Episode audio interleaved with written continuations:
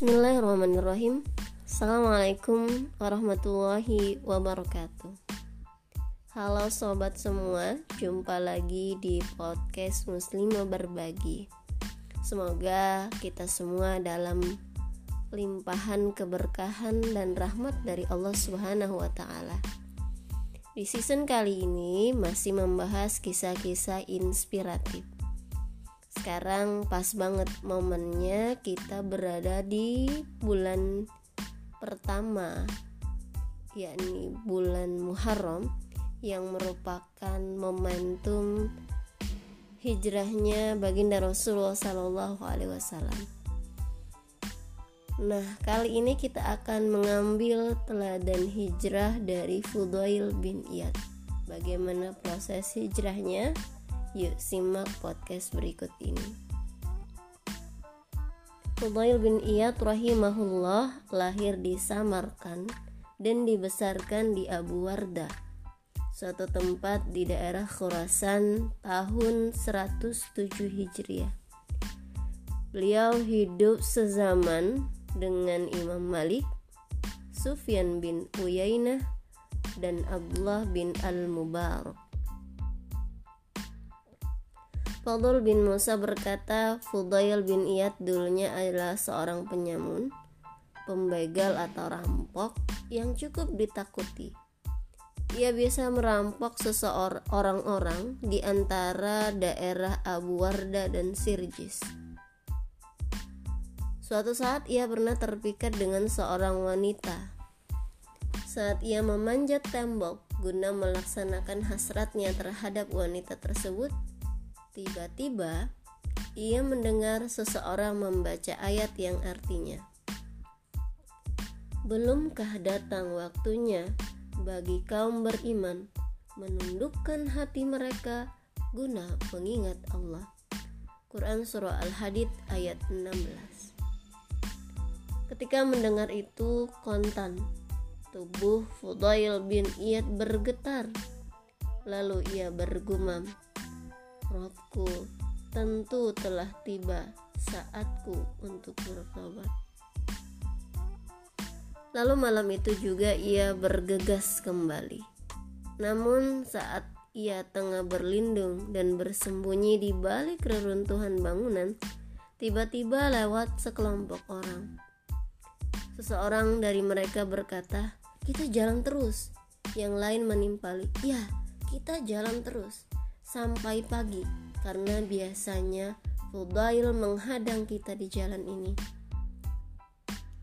Mendengar itu, Fudail bergumam, Aku melakukan berbagai kejahatan pada malam hari, hingga sebagian dari kaum muslim takut kepadaku. Ya Allah, sungguh aku bertobat kepadamu. Sejak itulah Fudail bin Iyad benar-benar bertobat. Ia berhijrah, hijrah total, bukan asal hijrah. Ia benar-benar berubah 180 derajat. Dari seorang pembegal jalanan menjadi pribadi yang alim, solih, ahli ibadah, waro, dan zuhud. Ia menghabiskan banyak waktunya di Kufah sambil berguru kepada sejumlah ulama terkemuka. Ia pun kembali hijrah dan menetap di Mekah sebelum sambil terus berguru ke sejumlah ulama besar yang ada di sana. Pada akhirnya Fudail bin Iyad menjelma menjadi seorang ulama terkemuka, ahli fikih dan hadis. Fudail bin Iyad adalah seseorang yang cerdas, kuat hafalannya, dan waro. Tiga sifat ini merupakan modal utama seorang ahli hadis. Ia paham betul sabda Rasulullah Sallallahu Alaihi Wasallam yang berbunyi, siapa saja yang berdusta atas namaku secara sengaja, bersiap-siaplah menempati tempatnya di neraka. Hadis riwayat Al-Bukhari. Karena itu, tidak aneh jika menurut Sufyan bin Uyainah, Fudail adalah orang yang sikoh atau terpercaya. Imam An-Nawawi pun berkomentar, hadis-hadis yang diriwayatkan Fudail itu sahih. Fudail bin Iyad pun dikenal karena ketekunan, kehusuan dalam beribadah hingga dijuluki Abid al-Haramain yang artinya ahli ibadah Makkah dan Madinah. Jika malam mulai datang, Fudail bin Iyad biasa menggelar sejadahnya untuk menunaikan qiyamul lail. Ia terus dalam keadaan sholat hingga kantuknya datang tak tertahankan. Ia pun berbaring sebentar, kemudian kembali sholat. Saat kembali kantuknya datang, tak tertahankan, ia kembali berbaring sebentar, kemudian bangkit kembali untuk sholat. Begitu seterusnya hingga waktu subuh. Masya Allah luar biasa ya kalau kita mah mungkin kalau sudah ngantuk gitu ya tidur gitu ya baru menjelang subuh baru bangun. Terkait salat malam ini Fudail pernah berkata jika kamu merasa begitu berat untuk menunaikan qiyamul lail dan berpuasa di siang hari ketahuilah sesungguhnya dirimu telah terbelenggu oleh dosa dan maksiat yang kamu perbuat Fudail bin Iyad pun dikenal karena kewaraan dan kezuhutannya. Ia mencukupkan nafkah untuk dirinya dan keluarganya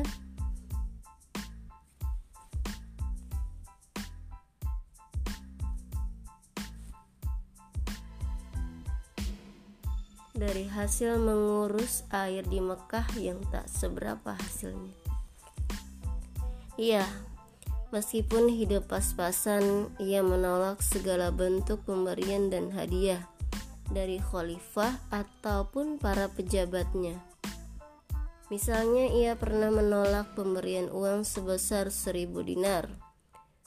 Kalau dikonversi ke rupiah sekitar 2 miliar dari Khalifah Harun ar-Rasyid.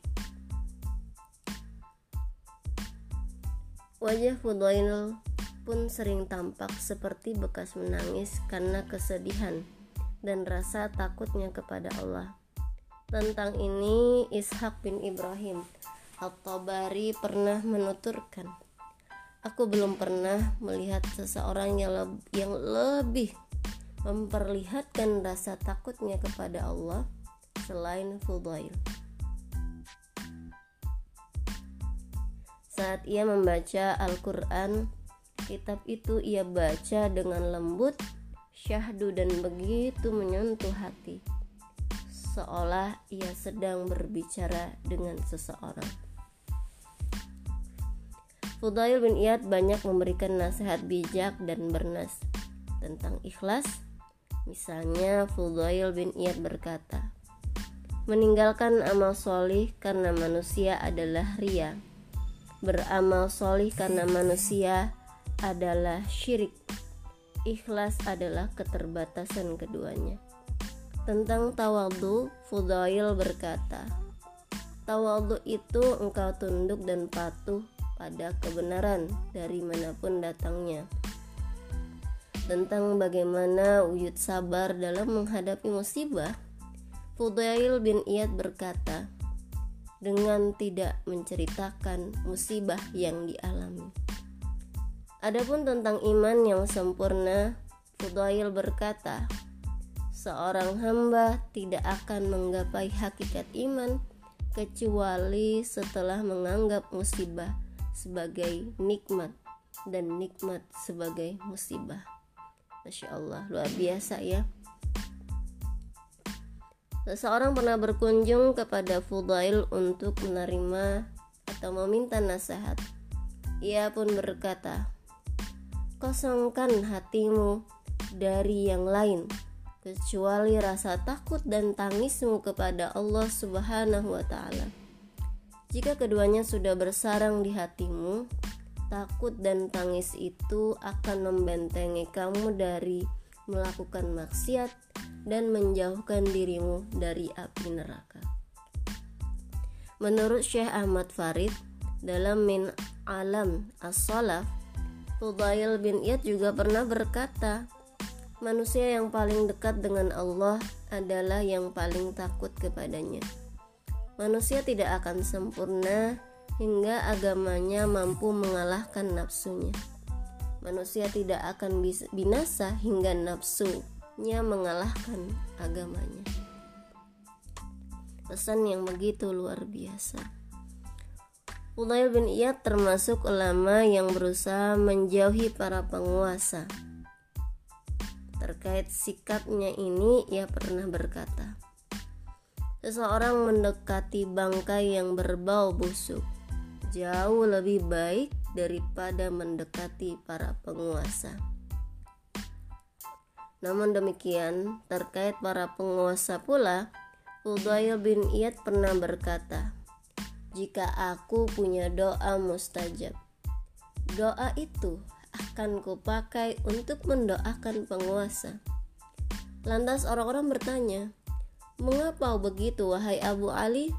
Jawab Fudail, jika doa mustajab tersebut kupakai untuk diri sendiri, aku tidak akan mendapatkan balasan. Namun, jika kupakai untuk mendoakan penguasa, maka baiknya penguasa akan berdampak bagi rakyat dan negeri.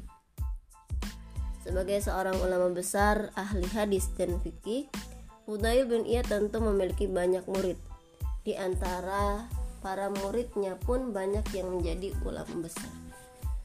Di antara mereka antara lain Imam Ash-Syafi'i, Ibnu Al-Mubarak, Al-Ja'fi, Ishaq bin Mansur As-Sauli Al-Humaidi Yahya bin Al-Qattan Abdurrahman bin Mahdi Qutaibah bin Sa'id Marwan bin Muhammad Abdul Razak dan juga Bishir Al-Hafi Dalam catatan Imam Az-Zahabi Fudail bin Iyad meninggal tahun 189 Hijriah. Ia wafat di kota suci Mekah. Pendapat Muhammad bin Sa'ad menyatakan bahwa kematian Fudail bin Iyad pada masa Khalifah Harun ar-Rasyid sekitar tahun 805 Masehi. Beliau wafat pada usia 80 tahun. Begitulah teladan hijrah Fudail bin Iyad rahimahullah. Sebuah keteladanan yang luar biasa bagi siapa saja, khususnya bagi siapa yang menghendaki totalitas dalam berhijrah. Yuk hijrah bareng-bareng. Wabillahi taufik wal hidayah. Salah mohon maaf. Jumpa lagi di podcast episode selanjutnya. Assalamualaikum warahmatullahi wabarakatuh.